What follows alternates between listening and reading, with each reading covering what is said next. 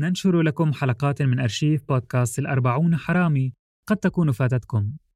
نتمنى لكم حسن الاستماع ولا تنسوا الاشتراك أينما تستمعون لنا كي يصلكم كل جديد.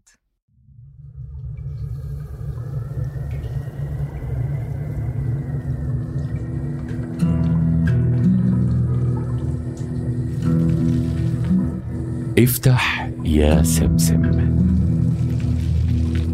يا لقوة هذه الكلمات الثلاث. فبها حصلت على ألذ ما في الحياة. وبسببها لقيت حتفي أنا وزوجتي على أيادي الأربعين حرامي اسمي علي بابا. ولكن هذه ليست قصتي. هذه قصة ابنة شاد. وسعيها للثأر.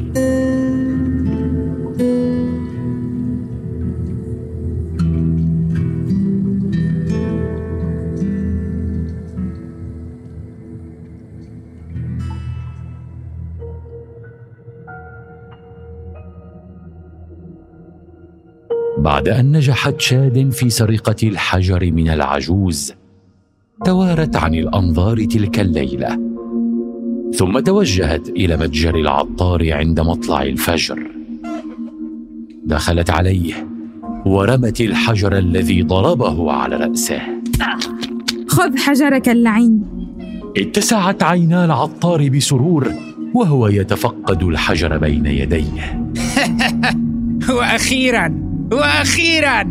أين اللص؟ آه، أجل أجل. اللص انتظري. أمسك العطار بفخارة للماء وأخرج منها لفافة ورقية فقام بفتحها أمام شاد التي راقبته بسخط حسنا لصك هو النبيل داوود. لن تستطيع الوصول إليه بسهولة لماذا؟ أين هو؟ لأن النبيل داوود معروف بارتيابه يستخدم ثروته في إيجاد طرق لحماية نفسه من أعدائه. حراس وأسلحة و بإمكاني التعامل مع حراس وأسلحة. يا لك من فتاة وقحة. اذهبي لتري بنفسك اذا ستجدين منزله أسفل هذا الجبل مقابل متجر النجار. تجاهلت شاد تعليق العطار. واكتفت بأن ترمقه بنظرة ساخطة وهي تخرج من المتجر ركبت على سهم على عجلة من أمرها وتوجهت نحو منزل اللص الذي أصبح نبيلا عندما وصلت للموقع لم ترى إلا اشجارا شامخة حاجبة البيت من جميع النواحي. كم شجرة سيجب علي تسلقها؟ تسلقت شاد إحدى الأشجار لتسترق النظر إلى ما تخبيه. وما رأت أحبطها. فالعطار لم يكن يبالغ. بيت اللص داوود كان بمثابة حصن. كان للمنزل أسوار عالية. تعلوها أسلاك شائكة. وفي ركن كل سور برج للمراقبة وفيه حارس حامل قوسا. تناثر حراس مسلحون بالسيوف والرماح حول باحة المنزل. المدخل الوحيد إلى المنزل كان عبارة عن بوابتين سميكتين من الحديد. تبا لذلك العطار. كيف سأخترق بيتا كهذا؟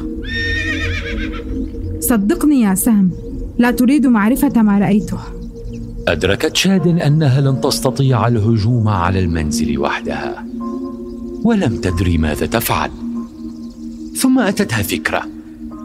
فتوجهت إلى متجر النجار الذي يقع مقابل المنزل المخفي. ركض النجار بحماس إليها وهو يقول مرحبا بك يا سيدتي. مرحبا بك. كيف يمكنني مساعدتك اليوم؟ أم... آه، أريد أريد تفصيل أثاث لمنزلي. أرني ما لديك من عينات للخشب. وناولته رزمة نقود ثقيلة فأخذها مطأطئا رأسه بسعادة. انهمك النجار بتحضير طلبات شاد الزائفة. بينما تظاهرت هي بتأمل الأعمال الخشبية التي كان يعرضها قل لي يا نجار ما قصة الأشجار الكبيرة مقابل متجرك؟ آه هذه أشجار بيت النبي لداود آه هل أعجبتك هذه العينة من الخشب؟ لا يبدو باهيا يبدو أنك لست معجبا بذلك النبيل بأمرك يا سيدتي يمكننا إحضار خشب اللوز الفاخر لك. إنه باهظ بعض الشيء. ولكن لا أعتقد أنك سوف تعترضين إذا طلبنا. نعم نعم. لا مشكلة.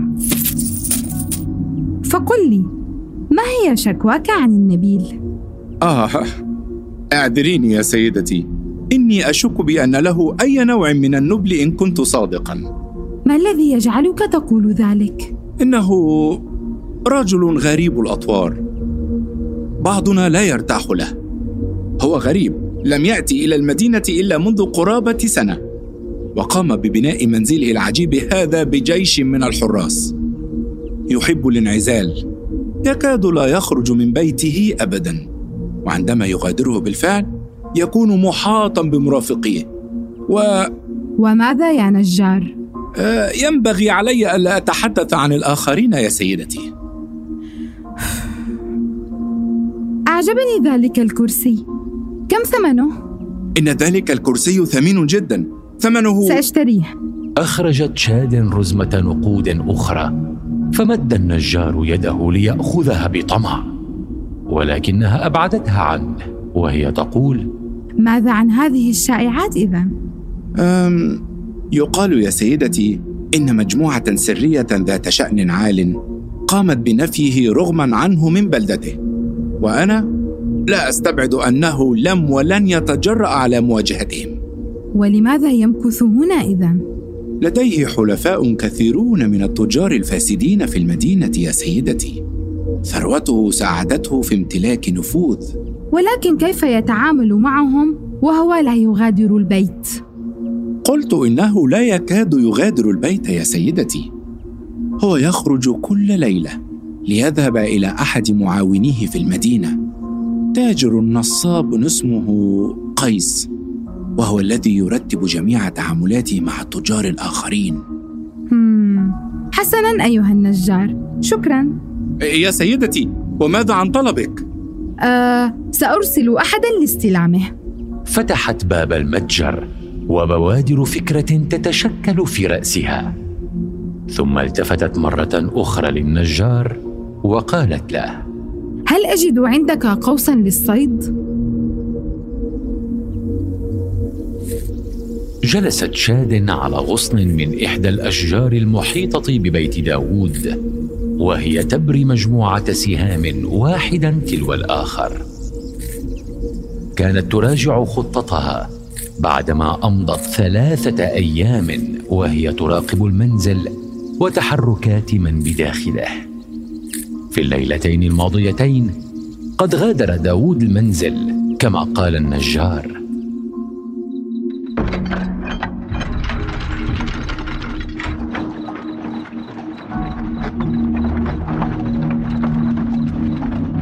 وقد تبعت عربته المحاطة بحراس لتحفظ مسارها. ثم راقبته وهو يصل ويدخل بيت معاونه قيس. مواقعكم أمضت الليلة الأولى وهي تدرس مناورات حراسه حول بيت قيس وتبحث عن الموقع الأفضل لضربه بسهم من قوسها الجديد. ما اكتشفته أن النقطة الوحيدة التي تمكنها من صوبه هي عبر نافذة صغيرة من الشاش في أعلى أحد حيطان البيت. والطريقة الوحيدة للوصول إلى النافذة هي من السطح. في الليلة الثانية راقبت شاد الرحلة إلى بيت قيس مجددا لكي تتأكد أن طريقهم ومناوراتهم هي نفسها. ولحظها بدأ أن داود قد مرن حراسه على اتباع نفس الخطوات كل ليلة. حسنا. ليلة الغد إذن. وها قد جاءت الليلة الثالثة وهي تنتظر اللص ليغادر في وقته المعتاد. من أسفل الشجرة سمعت صهيل سهم الجائع فرمت له تفاحة لتسكته ثم لمحت البوابات الحديدية تفتح وعلمت أن الوقت قد حان. لحقت العربة لثالث مرة وتركيزها على الرجل البدين الجالس بداخلها. كان محاطا كعادته بستة مرافقين. اتبعت طريقهم عبر السوق الليلي قفزا على اسطحه الأبنية إلى أن وصلوا إلى منزل قيس. دخل اللص المنزل مع اثنين من المرافقين بينما أمر بقية الحراس بحراسة المكان. خذوا مواقعكم. لا تقلق يا سيدي الكل يعلم بدوره. جيد. ابقوا على حذر. لدي نقاش مطول مع قيسنا الليلة. وقف مجموعة من الحراس حول المنزل ولكن انتباه شاد كان على حارسين يتجهان نحو السطح. سبقتهما بالقفز بخفة إلى السطح وانتظرتهما خلف باب الدرج.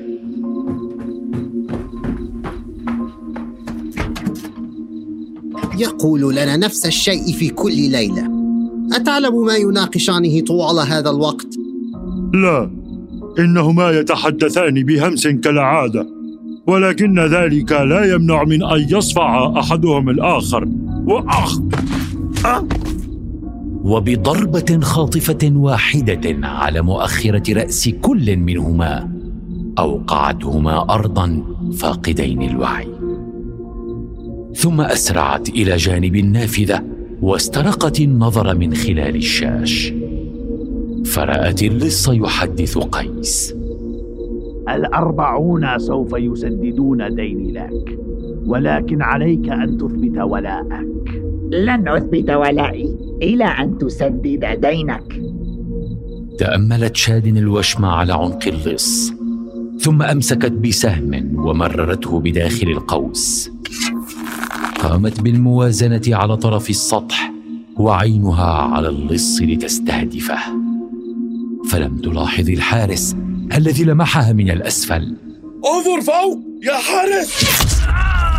أطلقت شاد السهم بنفس عميق ليثقب الشاش ويخترق عنق اللص. وقع داوود مكبا على الأرض. وفي حينها انتبهت شاد لصريخ الحراس من الأسفل ولكن قد فات الأوان. اندفع مجموعة منهم نحو السطح للإمساك بها. لا تدعوها تنفذ بجلدها! سأسلخ جلدك بنفسي! هرعت شاد راكضة وبدأت بالقفز من على الأسطح واحدا تلو الآخر بسرعة فائقة. إلا أن أحد الحارسين اللذين كانت قد أفقدتهما الوعي قد أفاق ولحق بها وأمسكها من ساقها فأوقعها لتنتظم بالأرض. ركلت الحارس فأفلت ساقها وحاولت أن تنهض مجددا. إلا أنه وقف قبلها وركلها على معدتها فتزحلقت على طول السطح بألم. ركض الحارس نحو شاد بكبرياء صاخب ولكنها استخدمت قوة دفعه لتقلبه ورمته خلف ظهرها من على السطح. لم يتح لها الوقت لالتقاط نفسها حتى رأت باقي الحراس يركضون نحوها.